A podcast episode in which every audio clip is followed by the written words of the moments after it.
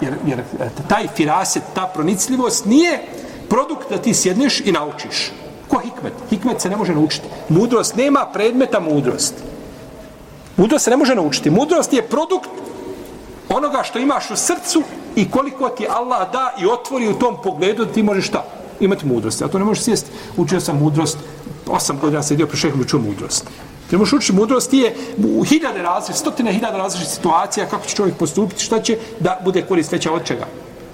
Oštete. Tako je znači ovo. I zato je kada je rekao ovaj rečeno je kad i ja su u Moavi muzenio, kaže, se, kaže mu se ovaj rečeno mu je jednom čovjeku, deme kada je pouči, kaže ovaj, pouči me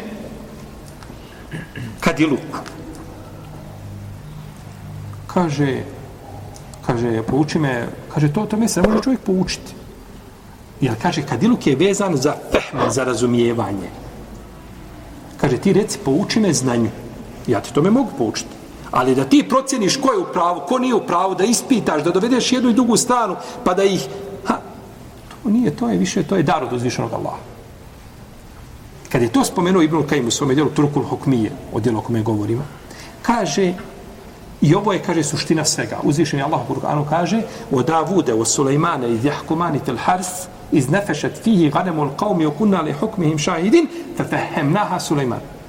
Fe fehemnaha, fehm, razumijevanje. Razišli se Davud, ali i njegov sin Sulejman po pitanju jednog jednog događaja koji je bio. Jedan presudio na jedan način, drugi presudio na drugi način. Kaže uzvišen Allah, pa smo dali fehm, razumijevanje kome? Fe fehemnaha Sulejman.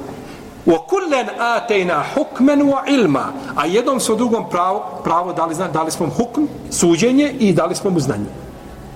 Znanje imaju, ali je u ovome slučaju fehm i razumijevanje bio, bliži je bio ko?